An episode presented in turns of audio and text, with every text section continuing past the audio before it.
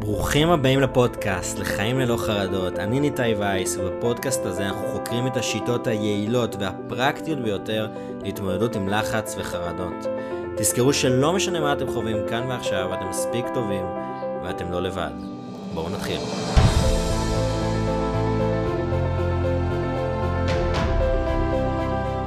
טוב, שלום לכולם, ברוך הבא לפרק 10 של הפודקאסט לחיים ללא חרדות. היום יש לנו אורחת מדהימה, ואנחנו נדבר על הורים רגישים וטיפול בילדים רגישים. אנחנו נדבר הרבה דברים מעניינים, אבל לפני זה, כמו תמיד, אני רוצה לתת איזושהי תזכורת כל שבוע בימי ראשון, לזה שאנחנו מספיק טובים כמו שאנחנו, כי אם עברתם תקופה לא טובה, כמה ימים קשים, מחשבה טורדנית, קפה חרדה בלילה, מי שלא חווה את קפה חרדה לא יבין את זה, אבל יש הרבה אנשים שחווים את קפה חרדה בלילה, אם אתם כאלה, בואו רגע, נבוא ונגיד שאנחנו מספיק טובים כמו שאנחנו. אני מספיק טוב כמו שאני, אני מספיק טובה כמו שאני. להגיד את זה רגע. תזכור, תזכרו אפילו להגיד את זה, כשאתם מרגישים קצת פחות טוב וכאלה, אתם תראו איך זה יעזור לכם לאט לאט להרגיש טוב. אז זה התזכורת שלכם, לא משנה מה אתם חווים, אתם מספיק טובים. אז היום, אני מארח את הילה לילוזון, מקווה שאני אומר את זה נכון, הילה, שהיא מאמנת הורים ומלווה משפחות רגישות מאוד. היא גרה בתל אביב, אימא לאורי ונשואה לאופיר. אנחנו נדבר על הרבה דברים מעניינים היום. אה, והפודקאסט הזה במיוחד מבוסס על, ומיועד להורים, אבל גם לאנשים שחווים חרדות באופן כללי. אז שלום הילה. היי, אמרת את זה נכון. הילה לילוזון? כן, אוקיי. אני עברתי על זה לפני. כן. מה שלומך? אני מצוין, מאוד מאוד מתרגשת ושמחה שהזמנת אותי, שנדבר. יופי, מעולה. אני אשמח לשמוע, בוא נדבר טיפה על המשפט הזה, מאמנת הורים, מלווה משפחות רגישות מאוד. את יכולה קצת לדבר על זה טיפה? קודם כל, מי כן. את ובאמת, מה זה הדבר הזה? בטח. אז uh, בעצם uh, כשאורי שלי נולדה, הבנתי שאין לי המון המון ידע וידע שמתאים לי למה שאני חושבת ולערכים שמתאימים לי בהורות, והחלטתי ללכת ללמוד אה, אימון כדי לדעת מהמקור את כל מה שאני צריכה לדעת.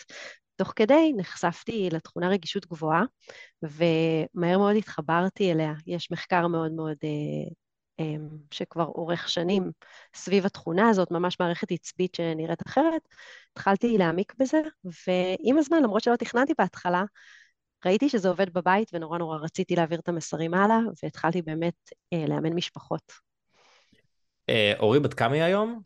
היום היא בת חמש. וכשאנחנו מדברים נגיד על כל התחום הזה של באמת ילדים רגישים, זאת אומרת, ואת אומרת שיש אפילו אה, סוג של מבנה שונה של המוח לילדים כאלה? כן. אה, המחקר אומר ש, שהמוח נראה קצת אחרת, גם המערכת הלימבית, הגודל שלה וגם אה, אני פחות מעדיפה להיכנס לפרטים האלה, אבל מדברים גם על אה, כימיקלים שמופרשים אחרת. וכשאת היית בעצם אימא צעירה, ואני מניח שאורי היה, היה לה איזושהי... אה, שמת לב על זה עליה? היא הייתה ילדה רגישה? יכולתי לשים לב איך, איך הבנתי את זה דרך המחקר מאוד מהר, כי אחד הדברים הראשונים זה um, תשומת לב לפרטים קטנים, היה אפשר לראות את זה כל הזמן. הדבר הכי קטן שמשתנה במרחב, כבר מגיל שנה וחצי היינו יכולים לראות שהיא מגיבה לשינויים נורא מהר, שמה לב לזה, והיינו חושבים לעצמנו, איך יכול להיות שהיא שמה לב לפרטים כל כך קטנים, וגם היינו רואים אמפתיה מאוד מאוד גדולה, שאנחנו uh, מרגישים משהו, אז איך היא מגיבה לזה מהר. ואולי uh, הגירויים החושיים היו הדבר שבדיעבד אני יודעת שהכי היה אפשר לראות אותו. כמו שמגיל מאוד מאוד צעיר היא הייתה, אפילו חמישה-שישה חודשים, היא הייתה כאילו שומעת רעשים ומגיבה לזה בתנועות גוף, רעשים uh, חזקים, היא הייתה מגיבה להם. Uh, אז זה, זה אני חושבת מה שעזר לי לעשות החיבור.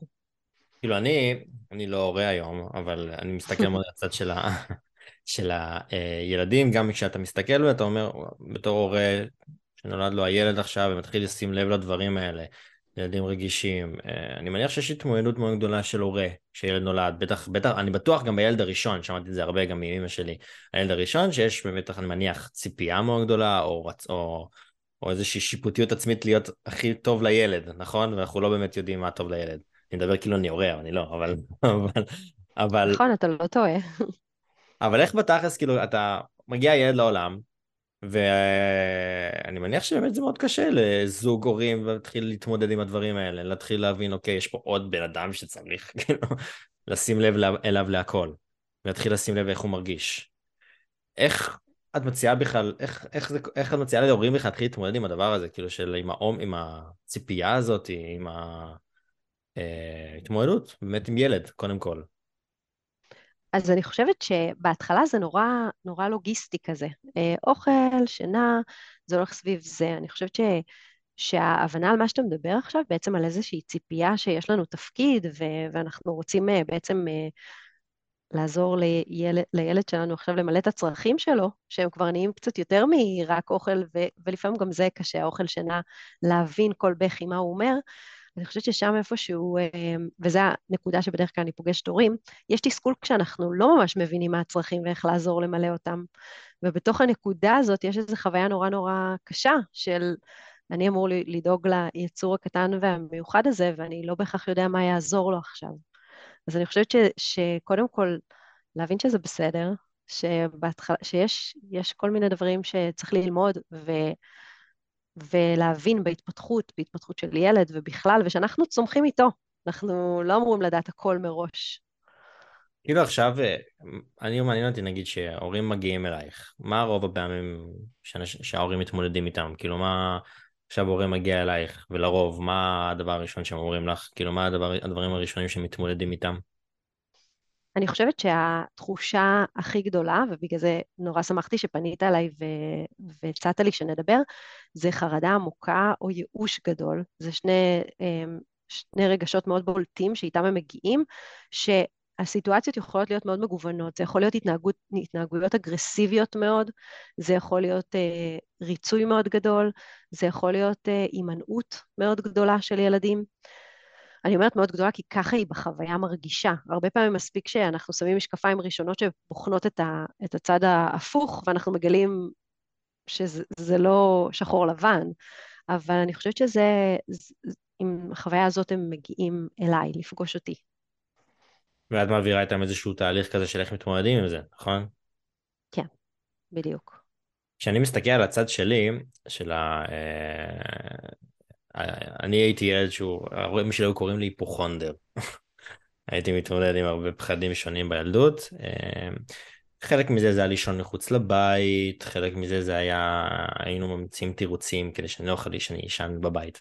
אה, או שהייתי נוסע עם חברים לאיזשהו מקום, ואז הייתי חוזר באותו ערב. רק לפני כמה חודשים, שנים, לא, לפני כמה חודשים גילו את זה, ש, ש, שלא באמת הייתי חולה. שבאמת חזרתי הביתה. אבל Uh, אני לא זוכר יותר מדי את התקופות האלה, חוץ מזה שהיה לי את הפחדים האלה, וההורים ידעו שאני מאוד מפוחד, ורצו שאני אלך גם לטיפולים כאלה ואחרים, אבל ויתרו לי. האמת שזה מעניין מתי באמת הורה בא ואומר, אוקיי, הילד לדוגמה איתי, כשאני הייתי באמת היפוכונדר, והיה להם התלבטות גדולה uh, האם לקחת אותי לטיפול בתור ילד, לאיזשהו פסיכולוג, ואני מאוד לא רציתי. אני מאוד לא רציתי באותה תקופה ללכת לטיפול, ואני יודע שזה בטוח היה עוזר לי מאוד. מעניין מה, מה, מה איך, איך היית מדברת על ילד שלא מסכים עם משהו כזה עם ההורים, כאילו לא מסכים עכשיו שילך לטיפול כזה או אחר, כי אני בטוח שזה היה עוזר לי, אבל מאוד לא רציתי. מאוד לא רציתי בתקופה הזאת ללכת לאיזשהו טיפול שיעזור לי.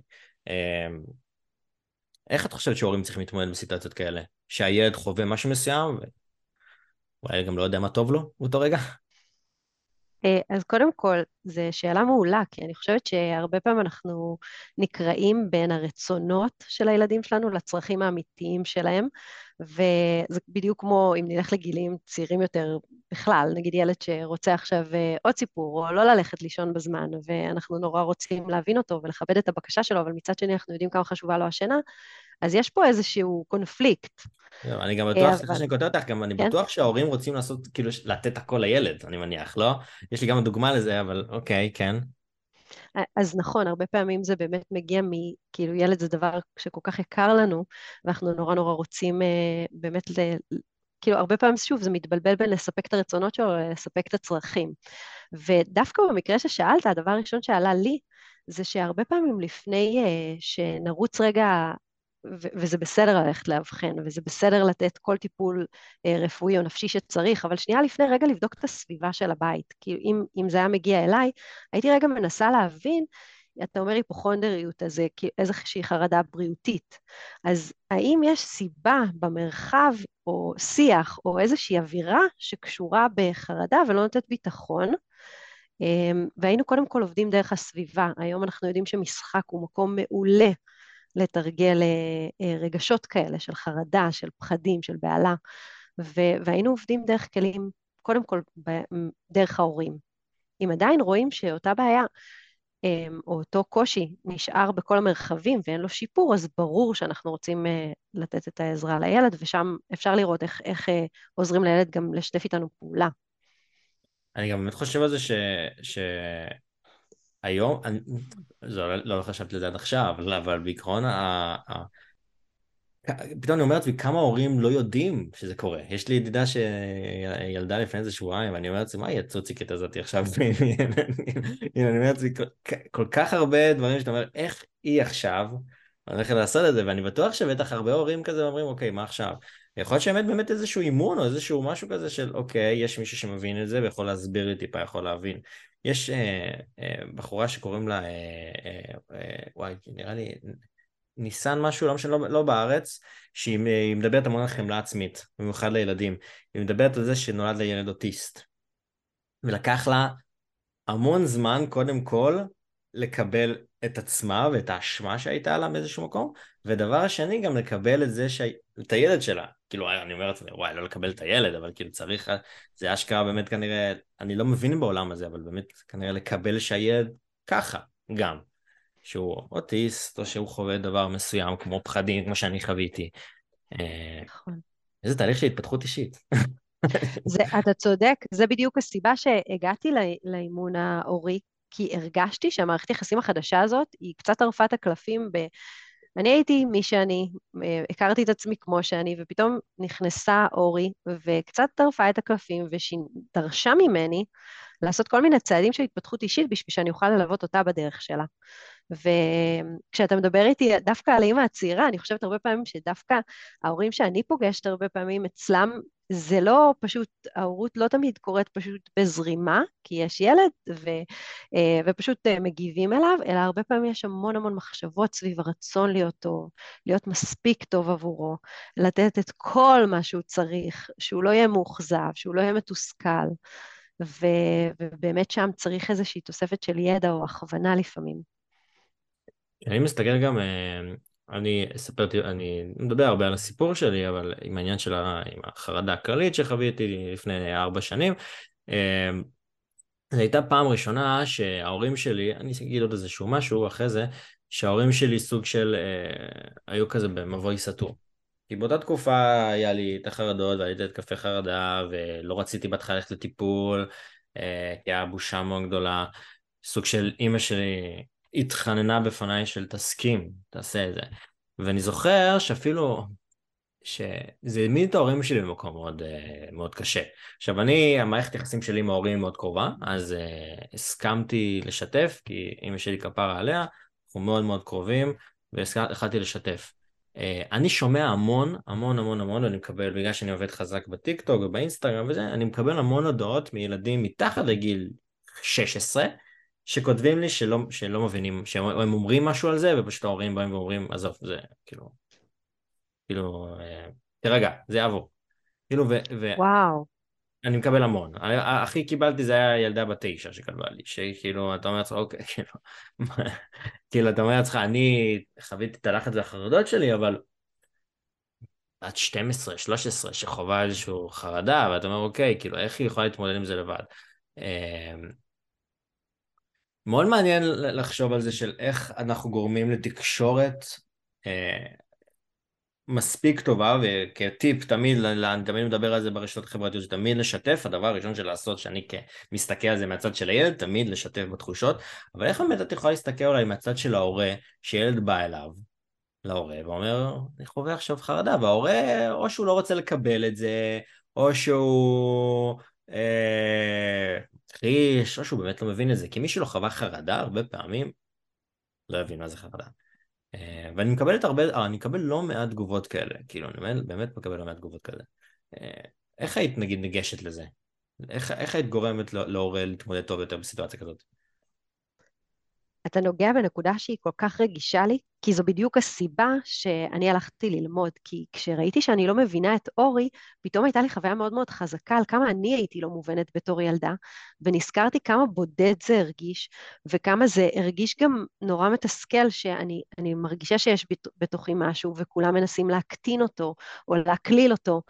ומתעלמים בעצם ולא מתקפים את מה שאני מרגישה, ואני חושבת שאתה שואל בתור הילד, וזו שאלה ש... שאני צריכה רגע לחשוב עליה, אני חושבת כל הזמן בתור ההורים, כי מה שאני עושה זה, זה בעצם לדבר עם, ה, עם ההורים, וקודם כל להגיד, אם יש משהו שצף, בואו ניתן לו מקום. בואו ניתן מקום לרגשות, לא משנה כמה הם מבהילים אותנו כהורים, כדי ש, שנוכל באמת ליצור איזשהו מרחב בטוח לשיתוף. איך ילד יוצר את זה, זו שאלה מאוד מאוד קשה כשאין פתיחות של ההורה. ואיזה כיף ש, שפונים אליך ושיש לפחות מישהו שיכול להחזיק איתם את, ה, את הדבר הזה.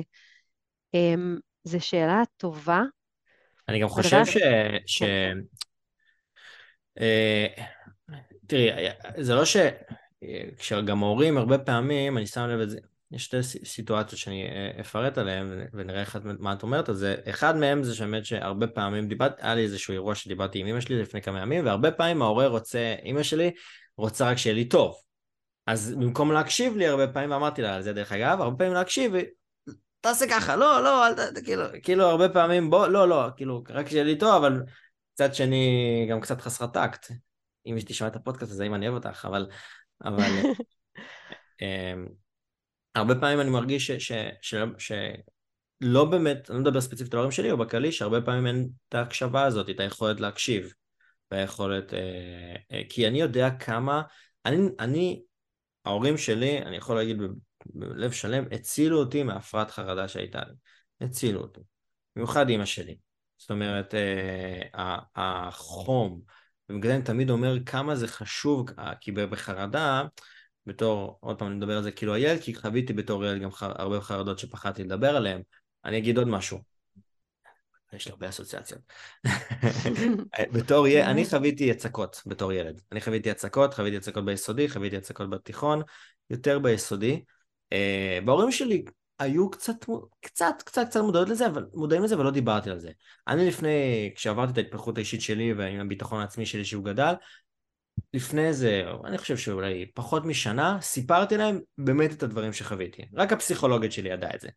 ואמא שלי הייתה בשוק. אמא שלי הייתה עצובה ברמות, היא אמרה לי כזה, כל כך עצוב לי שלא הרגשת בנוח לספר את זה. ואני חושב שזה עוד איזשהו קטע שבאמת הרבה ילדים אה, חווים נגיד חרם, אני לא חוויתי חרם, אבל חוויתי הצקות, היו קוראים לי ילד כאפות, אה, והיה בושה בתור, אני זוכר את זה, שהיה לי בושה בתור ילד לספר את זה להורים כדי שלא יתאכזבו ממני ולא יחשבו שאני כישלון. וזה עוד צד של הילד שאני חושב עליו. נכון. שגם איך אנחנו עובדים על זה, ש... שמי ששומע את זה גם אם זה לא הורה, איך אפשר לשתף את ההורים, ואיך ההורה יכול לבוא ולהגיד, אוקיי, כאילו, אני אוהב אותך, לא משנה מה. וההורים שלי הייתה אוהבת אותי, לא משנה מה. אני יודע את זה שאם הייתי מספר לה את זה אז, זה היה עוזר לי להתמודד, ויכול להיות שהם היו עושים דברים. אה, אבל אז באותה תקופה לא הרגשתי שאני יכול, בתור ילד. כי מה? בגלל אה, התחושה של הבושה והאכזבה? אכזבה, מה יגידו, אה, אולי גם, אני, אני לא חושב שזה היה יותר בושה ממה ה, הילדים יחשבו, במידה ואנחנו ילשין עליהם, זה היה יותר הצורה של, אה, של מה ההורים יחשבו, שהבושה הזאת של יש את, ה, את הילד ש, שחווה הצקות, או, והיה לי המון חברים, תמיד היה לי חברים ותמיד הייתי חברותי, אבל אני חושב שזה היה בושה של של מה הם יגידו, איך הם יתייחסו לזה. אה, אני ממש זוכר אירוע מסוים, שתמיד דיברתי איתו על פסיכולוגית, אבל אני אוהב לשתף דברים, שהיה אירוע מסוים שממש זכור לי וחרוט לי מהיסודי באיזה כיתה, אה, אה, משהו כזה, שממש היו חבורה של ילדים מה, מהכיתה שלי שממש הרביצו לי סוג של, היה איזשהו אירוע כזה שממש נתנו לי כאפות כזה. ממש נתנו לי כאפות, אם מישהו מהם שומע את הפודקאסט הזה, חכו חכו, סתם. אבל, אבל אני ממש זוכר שנתנו לי כאפות, ואני זוכר שאחרי זה קשרתי לאימא שלי בשירותים, ואני זוכר שכן שיתפתי אותה על זה, ואמרתי ש... לה כזה, חבל שבאתי היום לבית ספר. ואני לא זוכר שהשיח מאוד גדול לגבי זה, אבל אני בטוח שהמון המון ילדים חווים דברים ביסודי ובתיכון ולא מרגישים בנוח לשתף את זה מהסיבה של בושה, של מה הם יגידו עליהם. אתה יודע, אנחנו, גם כילד אתה רוצה שההורים יהיו גאים בך, שיתלהבו ממך. אתה לא רוצה להיות באיזשהו מקום של הוא החלש. לפעמים זה לא כיף לראות החלש. עכשיו אני לא יודע איך זה ילדים אחרים, אבל אני מניח שאם אני חוויתי ככה אז הרבה ילדים חווים דברים דומים. אה, מעניין מה הצד שלך, איך את חושבת שהורה אולי יכול לגרום לילד, כי משהו שאני יכול להגיד, אנחנו לא יכולים, בתור אחד שחווה חרדות, אנחנו לא יכולים לדעת באמת באמת מה הצד השני מרגיש. אפשר להבין, אפשר לשים לב, אמא שלי יודעת שאני שקט קצת, היא יודעת, ישר, מה, מה, מה קרה. אבל הרבה פעמים אתה יכול להגיד הכל טוב, הכל בסדר, ובמיוחד בגיל ההתבגרות, הכל בסדר, ו... אה, שנקרא אה, להמשיך הלאה, אבל בדיעבד יש איזשהו אה, משהו שיכול, שקורה בפנים. מעניין איך הורה לדעתך יכול להתמודד עם סיטואציה כזאת ש... שילד חווה איזושהי סיטואציה וצריך לנסות באמת לפתח את הקשר הזה. אז אני חושבת שכל מה שאני למשל עושה בעבודה עם משפחות הוא בדיוק זה, הוא ליצור קשר שהוא, כמו שאמרתי מקודם, מרחב בטוח, ו, ואני חושבת שהסיסמה אהבה ללא תנאים, מאוד קל להגיד אותה, אבל לפעמים בלי שאנחנו רוצים, כשהילד שלנו מביא חלקים שפחות נוח לנו לראות אותם, פתאום שנגיד אפילו ילד בן ארבע שחווה בדידות חברתית ולא מסתדר, וזה מלחיץ אותי, אז הרבה פעמים בלי לרצות אני מעביר מסרים mm-hmm. דרך השאלות שלי, דרך מה שאני אומר, ש, שנותנות את התחושה שזה אולי לא בסדר, שאולי זה מטריד אותי, שאולי עכשיו, בגלל מה שאתה מביא למרחב שלי, עכשיו קורה לי משהו, כאילו אתה גורם לי להרגיש דאגה או אכזבה או עצב, ו- ואולי זו אחת העבודות הכי קשות להצליח שנייה, לא לנטרל את הרגשות שלנו, אבל להחזיק אותם, ומול הילד לשדר איזושהי יציבות עוגן נורא נורא בטוח שאין שום דבר שיכול לפגוע או יכול להכאיב לך כשתשתף אותי. כאילו, אני הולך לקבל את זה בזרועות פתוחות, להחזיק לך את היד, לא משנה מה אתה עובר.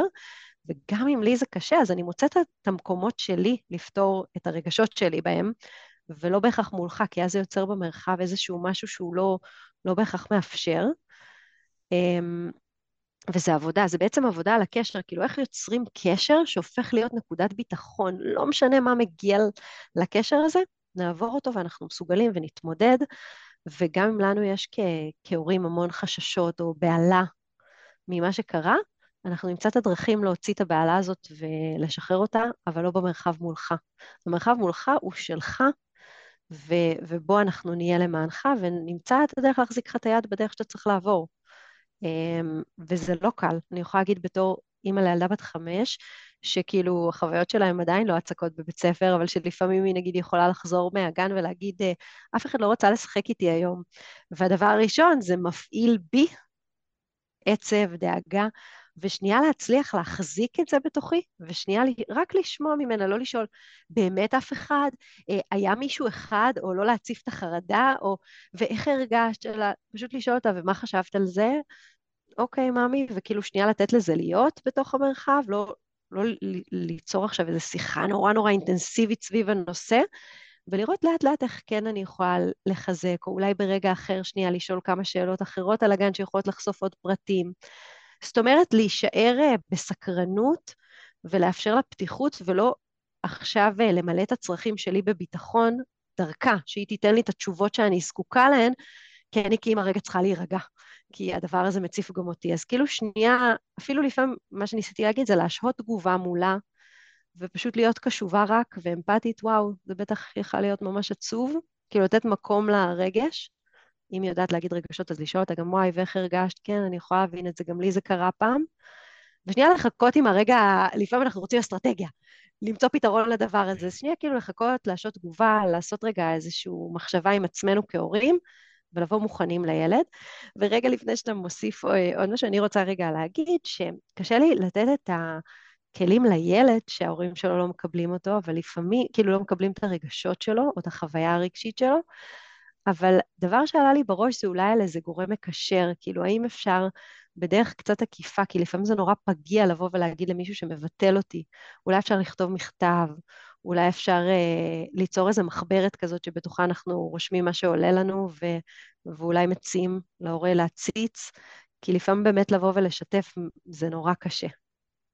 זה, אני גם, כשדיברת על הגן, זה מצחיק, כי הזיכרון בין הזיכרונות הראשונים שלי, זה הערה של ילדה שהייתה לי בגן. זאת אומרת, אה, וואו. כן, כן, באמת. היא אמרה, אני אפילו, אה, אני זוכר אפילו איך קוראים לה, אני לא אגיד. אבל אה, אני זוכר שהייתי בגן, והיא הייתה כל הפסקה באה ואומרת לי, למה אתה לא כמו, אני לא אגיד את השם, אבל למה אתה לא כמוהו? למה אתה לא כמוהו? למה אתה לא כמוהו? ואני ממש זוכר, אני מדבר על גיל ארבע, חמש, נגיד כנראה כמו אורי, שאמרה לי את ההערה הזאת, ועד היום, עד היום אני זוכר את זה. זאת אומרת, כשאני הייתי בטיפול אצל פסיכולוגית, אפילו שוחחנו על האירוע הזה. זאת אומרת, זה מדהים איך אפילו בגילאים האלה, הילד יכול לזכור משהו, אירוע מספיק, נקרא לו טראומטי במחאות, אבל טראומטי ש, שאתה זוכר את זה היום, מה שאני בן 26, אה, ואני מניח שאני אזכור את זה כל חיי גם. אז אה, אז אני, אני בטוח שלא, ואם אני זוכר את זה עד עכשיו, כנראה שבאותה רגעים זה הפריע לי. בוודאות לא סיפרתי את זה לאמא נכון. שלי, אני לא זוכר את זה, אבל, אה, אבל זה מעניין שאת אומרת על מחברת. אני מסתכל על זה בתור הילד, האם היה לי נוח שאימא שלי תבוא ותיקח את המחברת ו... ותסתכל לא, על לא, זה. לא, משהו שהוא מתואם מראש, okay. אוקיי. שכאילו זה, זה הדרך שלי להעביר מסרים. גם עוד אה, רעיון שעלה לי, זה שאם אנחנו כבר פה בפודקאסט, ואם יש ילדים צעירים שמקשיבים, אז uh, הזדמנות להפנות uh, uh, את ההורים להקשיב לפרק הזה, ולשמוע כמה חשוב שבתור הורים נתקף רגשות, גם אם זה לא נוח לנו, גם אם זה עכשיו רגע, אם אני נותן מקום באמת לאיזה רגש נורא לא נעים, או לסיטואציה לא נעימה, זה... כאילו הרבה יותר קל לנו להקליל לפעמים, אבל דווקא להקליל יכול להעצים איזושהי תחושה של בדידות אצל הילדים שלנו. אז אולי גם באמת אה, למצוא, אה, למצוא דרך מגשרת, דרך אה, ידע, דרך הפודקאסט שלך, דרך כל מיני מקורות מידע שאפשר להעביר להורים כדי שהם ייפתחו טיפה לרעיון. אני גם חושב באמת שבאמת הורים היום, וחלק גדול מהם, לא באמת יודעים, אני מדבר ספציפית בפרק הזה על חרדה, וזה יכול להיות הרבה דברים, אבל, אבל כמו שאני מקבל את ההודעות מאנשים, ש... מילדים שבאים ואומרים כאילו, לא מבינים אותי. ואז אתה אומר להם, אוקיי, אתה, כמובן שאני נמצא בילדה בת 13, אני צריך, צריך להיות מותאם ולהגיד לה, אוקיי, אבל לא, היא אומרת לי, לא, לא מבינים אותי. אז אתה לא יכול להגיד ללכת לטיפול, כאילו, מאיפה היא תשלם על ללכת לטיפול? אז אתה יכול להגיד לדבר איתה שאתה רוצה את זה, אבל אם הורה לא מבין את זה, אם את, מי ששומע את הפודקאסט ואני מדבר על הצד של ההורים, שבאמת אה, מי שלא חווה חרדה, זה לא משהו שאפשר, במיוחד בתור ילד, משהו כזה שאפשר לעשות ככה ולהעלים. זאת אומרת, אה, זה, זה התמודדות וזה הרבה דברים, וצריך לאו דווקא ללכת לטיפול פסיכולוגי, תלוי בזה. אפילו הייתה לי דוגמה, כשאני עשיתי את ההסמכת אה, מדריכי מיינדפולנס, אה, באה איזה אימא אחת שדיברה איתי, והיא שאלה את המורה מה לעשות עם הילד שחווה התקפים מאוד, אני מדבר על גיל שמונה אני חושב, על התקפים מאוד מאוד חזקים, ברמה שקשה לו לצאת מהבית והוא כל הזמן בוכה, אפילו יותר פחות משמונה, הוא קשה לו והוא בוכה מהבית, ואני בטוח שההורה בשוק של מה עושים, היא הייתה, כל... היא באה ודיברה איתי, ואני טיפה דיברתי איתה על זה שאני הייתי ילד שחווה קצת אה, חרדות, והיא ממש דיברה איתי בהיסטריה של מה עושים, כאילו, מה אני יכולה לעשות בשביל לגרום לילד שלי להרגיש טוב? והילד כאילו בעצמו סובל, אבל הוא לא יודע, וממש, אני זוכר, ממש זוכר את זה, שכאילו, שכנראה שבאמת ההורה גם נמצא באיזשהו, מעבר לזה שהילד סובל, ההורה נמצא עכשיו, אוקיי, מה אני אעשה עם חיי? כאילו, עם עבודה, עם כל הדברים האלה, איך אני עכשיו גורם לילד שלי להרגיש טוב? איזה קשה זה להיות הורה. זה קשה, זה קשה בעיקר כי כי באמת הכוונות הן נורא נורא טובות, ולפעמים זה דורש ממך, כמו שאמרנו בהתחלה, לעבור איזשהו תהליך עם עצמך.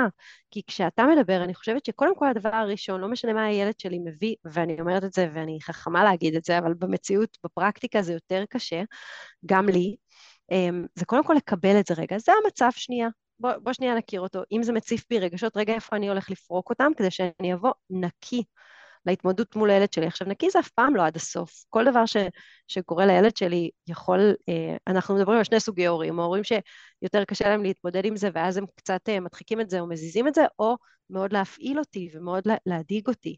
אז איך אני יכול כמה שיותר אה, לנקות רגע את החוויה הרגשית שלי כדי להיות פתוח רגע לקבל אותו, ולזכור שאנחנו יכולים לעבור את זה ביחד, שהקשר שלנו יכול להפוך להיות המפתח. אמרת בעצמך, החום והאהבה והאמפתיה של אימא שלי היה הדבר המרכזי שעזר לי כשאני התמודדתי עם חרדה. אז כמה הקשר שלנו יכול להיות אה, משמעותי בתוך חוויה כזאת, ואז במקום אה, רגע להיבהל רק מהסיטואציה שאנחנו מתמודדים איתה, להסתכל כמה אה, יש לנו פה יכולת השפעה משמעותית, אם, אם נסכים לפתוח את הידיים ולקבל רגע שזה המצב, ולהיות האדם הזה ש, שהולך איתם בדרך הזאת כשהחרדה מגיעה.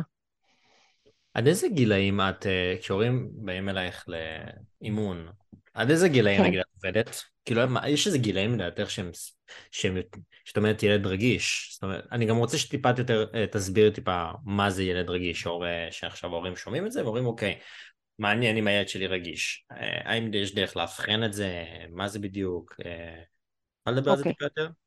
כן, אז אני אענה קודם על השאלה הראשונה, אני לא חושבת שיש גיל. אה, הגישה ההתפתחותית היא כשרותית שאני עובדת איתה, אז בעצם אומרים שם שבכל גיל אפשר ליצור אה, היקשרות אה, בטוחה וטובה, ו- וזה נורא אופטימי. אז אני חושבת שכל הורה בכל שלב יכול להגיע ולקבל כלים כדי לדייק את הקשר ואת התפקיד ההורי שלו. ולגבי רגישות גבוהה, אז, אז על פניו יש איזושהי הבחנה, יש מבחן של 13 שאלות, אפשר למצוא אותו גם אצלי באינסטגרם, אבל גם בא, באינטרנט, אם רושמים uh, highly sensitive uh, child למשל, ו, ומוסיפים את המילה טסט, ואפשר לענות עליו, אבל הוא לא מאוד חד משמעי, כי יכול להיות שאתה עונה רק על שני קריטריונים מתוכו, והם מאוד עוצמתיים אצלך, ואתה תהיה אדם, תחשב לאדם או ילד רגיש מאוד, ו, ויכול להיות שיש לך את כל השלוש עשרה בצורה נמוכה, וזה גם בסדר. אז, אז הוא, הוא נותן יותר נקודת מבט, לראות אם אתה, אם אתה מרגיש חיבור למשפטים שרשומים שם. אמ, ובעצם זה הדבר היחיד, כי אי אפשר באמת לראות את ה... לעשות אה, בדיקה של המוח, אז, אז זאתי הדרך אה, שעושים במחקר, שמשתמשים בה במחקר.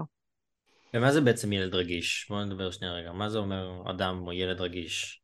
כמו שהסברת, מישהו שהתחושים, שהוא המוח, אמרנו את הצד המדעי הזה שהמוח קצת בנוי שונה, אבל הוא, רגוש, הוא, הוא רגיש יותר לגירויים, אה, משפטים כן. מסוימים. כן, אז, אז גם גירויים חושיים ורגשיים מאוד משפיעים, זאת אומרת מקומות רועשים, אמ, מגע חזק אצל חלק, אצל חלק חלש, בגלל זה זה גם נורא משתנה מאדם לאדם. אמ, זה יכול להיות טעמים, יש, יש אה, אנשים רגשיים מאוד שמאוד יאהבו טעמים חזקים, ויש כאלה שיצטרכו את אותם דברים כל הזמן, כאילו פחות נעים להם השוני, לקולות ו, וגם ל, ל, רגשות. נגיד, אה, אחד הדברים שיודעים על ילדים רגישים מאוד, שכשהם נמצאים במרחבים שנגיד אה, הזוגיות של ההורים היא פחות טובה, אז אגב, זה אחד הדברים שיכולים מאוד מאוד להשפיע על חרדה, על תחושת ביטחון, כי הם, אה, אחד מהמאפיינים של רגישות גבוהה הוא עיבוד עמוק וניתוח עמוק של כל מה שאני חווה. וכשאני רואה את ההורים שלי ככה, זה לא, אה, אוקיי, ההורים שלי רבים, זה הם רבים, ומה קרה, והאם אני אשם, והאם יש לי קשר לזה. אז זה גם ניתוח עמוק של סיטואציות וגם גירוי יתר, והם מוצפים נורא בקלות מגירויים, אז, אה, אז הם זקוקים להרבה מנוחה הרבה פעמים. אמ, אז, אז אה, זה כל מיני מאפיינים, אבל שבעיקר קשורים לגירוי יתר. זה גם מעניין שאני, אה, טפו טפו טפו, הקשר של ההורים שלי הוא טוב, אבל אני יודע סיפורים, זו נקודה שהבאת לי, שידידה שלי חו, אה, חוותה גירושים, לא, כאילו ההורים שלה חוותה, חוו גירושים קשים, כן. ובאמת היא ממש זוכרת את זה, שזה היה אירועים מאוד מאוד קשים בחיים שלה ושל האחים שלה, שאני באמת חושב על זה, איך ילד מסתכל מהצד ואומר, אוקיי, כי אנחנו לוקחים הורים צעירים, ונגיד גם יש איזושהי רגישות לילד, גם יש איזה בעיות בבית, זהו, זה... מעניין איך הורים בסיטואציה כזאת, כי אני מניח שה-high priority זה הילד, מעבר לדברים. איך באמת אנחנו יכולים לגרום לילד להבין, אוקיי, זה לא אשמתך, זה, זה שלנו. אה, וכמו שאת אומרת, הוא, הוא מנתח את זה ושופט את זה, אה, שאני מניח שזה תהליך בפני עצמו שאת עושה. נכון. אז אני חושבת שנגיד בתקופות כאלה, לא משנה של מה, בין אם זה שחווינו עכשיו חוויה מאוד מאוד קשה של אובדן כלשהו, או שעכשיו יש מעבר מסוים, או שינוי בבית, בעיקר אחד הדברים הכי משמעותיים הוא לא להשאיר אה, לילד להשלים את הסיפור לבד בראש שלו. זאת אומרת, לראות את הסיטואציות שקורות ו- ולהצטרך אה, לתת להם את הפרשנות שלו, אלא ממש לתמלל את זה, כמובן, בצורה שמתאימה ושתואמת גיל, אבל באמת לתת להם, לתת את ה... לספר את הסיפור בצורה מתאימה, כדי שלא יישארו קצוות שהוא משלים מעצמו, כי אז שם יכולים להגיע המקומות של, אה, ah, אני עצבנתי את אבא מקודם, ראיתי את אבא כועס עליי, אז אולי בגללי, אחר כך זה גרם להם לריב, כי אמא אמרה לו, למה אתה מתעצבן עליו ככה, ושם התחיל לריב, שבכלל זה בכלל תקופה נפיצה של ההורים מסיבות אחרות, זה לא קשור לילד. זה... אז הרבה פעמים לוודא שאנחנו לא משאירים את הסיפור פתוח עם קצוות פתוחים, ועושים את זה בצורה שתואמת גיל.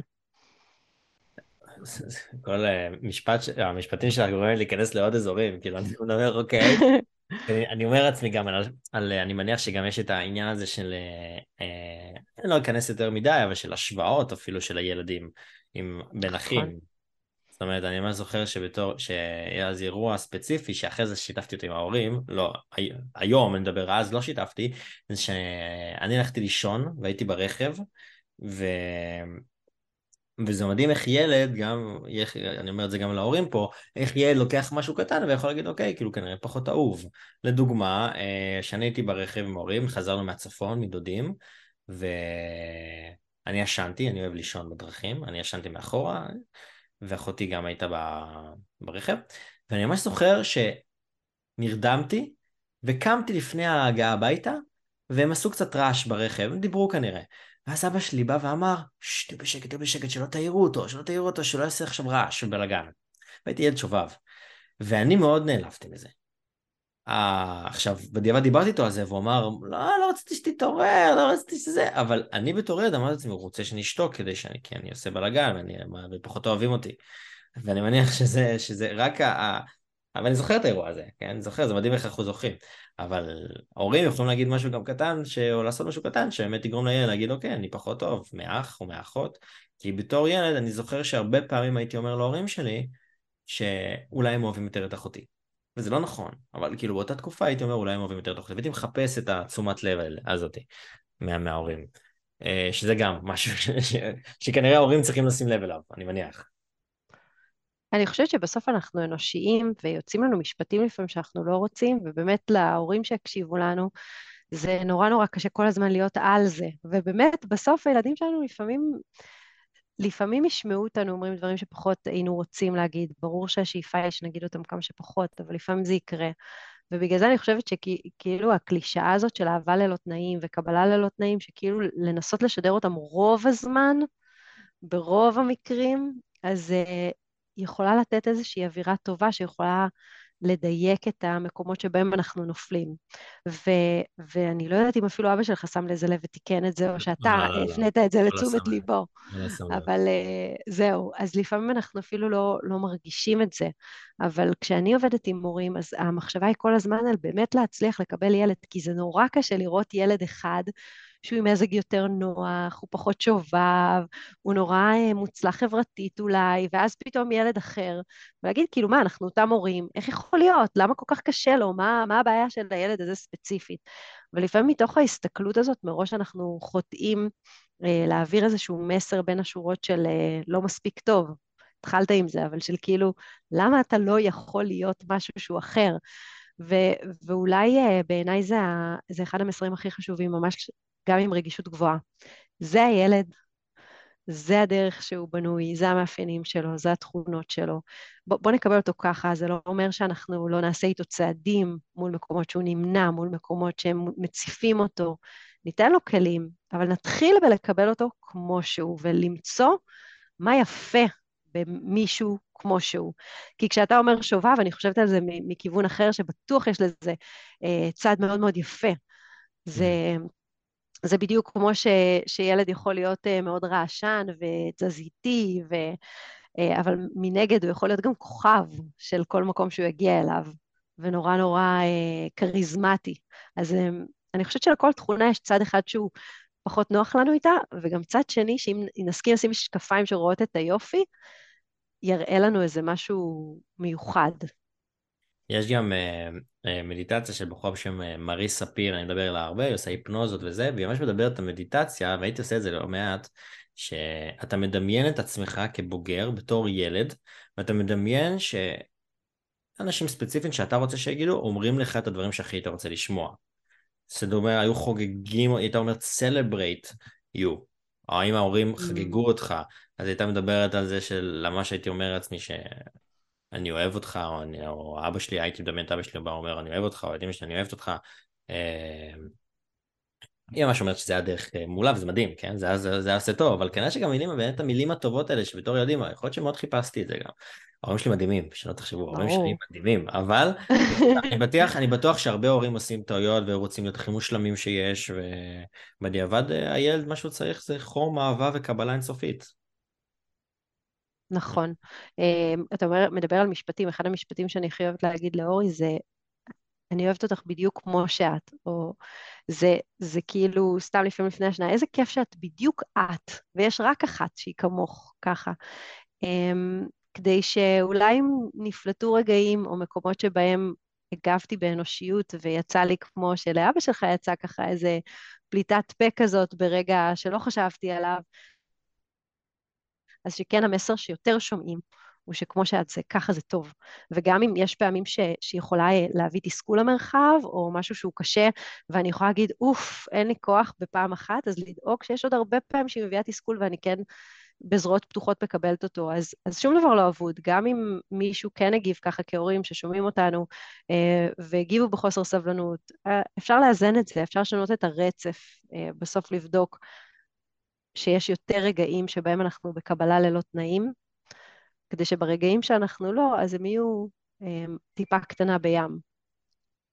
ועכשיו בוא נגיד, אה, מעבר לדברים האלה, עכשיו הילד, עשינו את הבחינה הזאת, יצא ילד רגיש מאוד. אני אדם רגיש מאוד, ילד רגיש מאוד. מה עכשיו? מה היית ממליצה להורה עכשיו, שאני מתמודד עם משהו כזה, לעשות? זאת אומרת, אה, אוקיי, אנחנו יודעים, אני רגיש, הוא רגיש.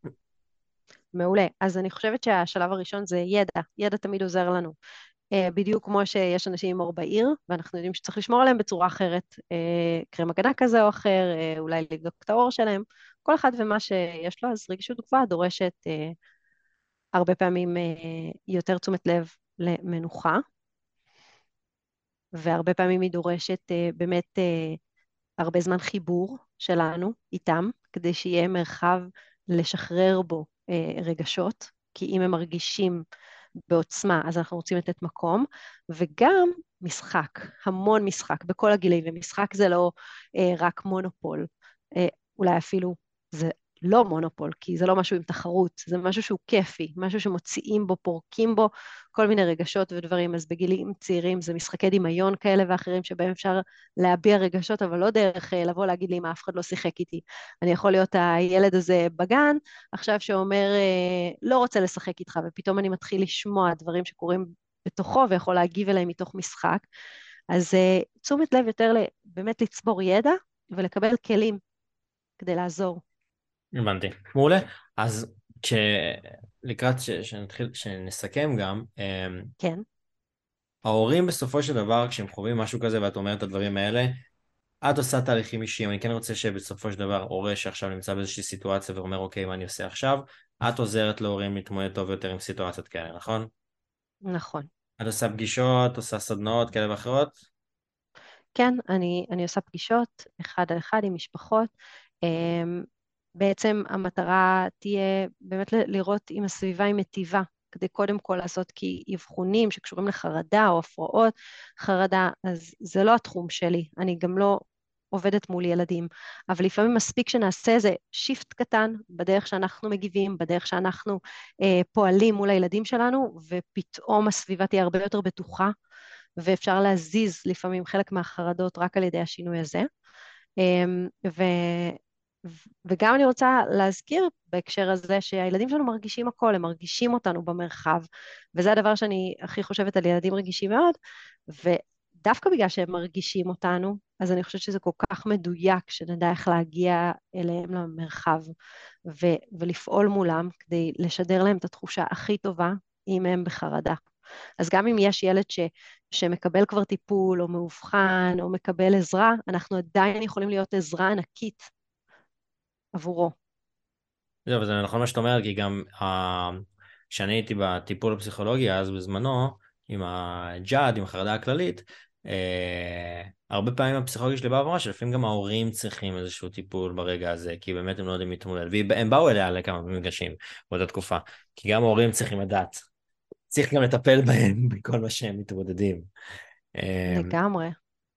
כשאני מדבר על מי שפה שומע את הפרק הזה כילדים, אה, ילדים, נוער, אה, או אפילו 20 פלוס, לא משנה מה, אה, אני תמיד אומר שהדבר הראשון זה לשתף. זאת אומרת, הדבר הראשון זה לשתף, זה מה שהציל אותי, זה מה שיכול להציל את כולם בסופו של דבר, כי הרבה פעמים ברגעים האלה מגיעה בדידות, ובתור אחד שחווה את זה בדידות, תסכול, אשמה, שיפוטיות, אני פחות טוב מאחרים, השוואה. אז קודם כל להסכים לשתף.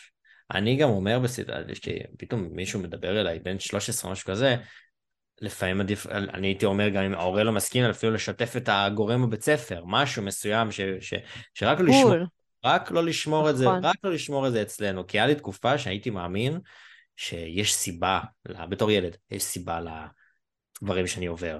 שאני, על ידי אמונה שאני גיבור על, אז שיש סיבה, באמת, וילדים אוהבים את זה, כי זה נותן, אני מניח שנותן היגיון למה שהם חווים, אבל בתור ילד הייתי שומע, שומע איזה מוזיקה כזאת, דרמטית כזאת, שכזה, והייתי מדמיין ש... שיש לי כוחות על. הייתי אוהב דרגון בול זי, זה איזושהי סדרה. אבל, אבל... אה, וואו. אבל אה, כן, אה, אני חושב ש, שהדבר הראשון זה להסכים לשתף בתור ילד ובתור הורה, כשאני מסתכל מהצד שלי, עוד לפני מה שאת אומרת, אבל בתור הורה, באמת, אם הילד שלכם בא ומדבר איתכם, קודם כל תוקירו תודה שהוא מסכים בכלל לדבר איתכם, כי אני אקח לי 20 שנה לבוא ולשתף את הדברים שחוויתי, 20 שנים. כן, תסכימו ותבינו ותנסו להסתכל על הצד השני. מה את חושבת על זה? אני ממש מסכימה, וגם אני כתבתי לי איפשהו שדיברת על לשתף, אז כתבתי, אפשר לנסות לחשוב איזה דמויות מטיבות יש לנו בחיים, עם איזה מורה שאנחנו מחוברים אליה, איזה יועצת בבית ספר, אה, אולי איזה מדריך שלנו באיזה חוג, או דודה שאנחנו מרגישים איתה פתוחים, כאילו לנסות ממש לסרוק. גם ההורים שלנו לא מקבלים את זה, זה לא אומר שיש לנו בעיה או משהו אצלנו לא בסדר ואנחנו צריכים להשתיק את החוויה הזאת, אלא אולי אנחנו יכולים כן לחפש עוד מקור לפתוח איתו.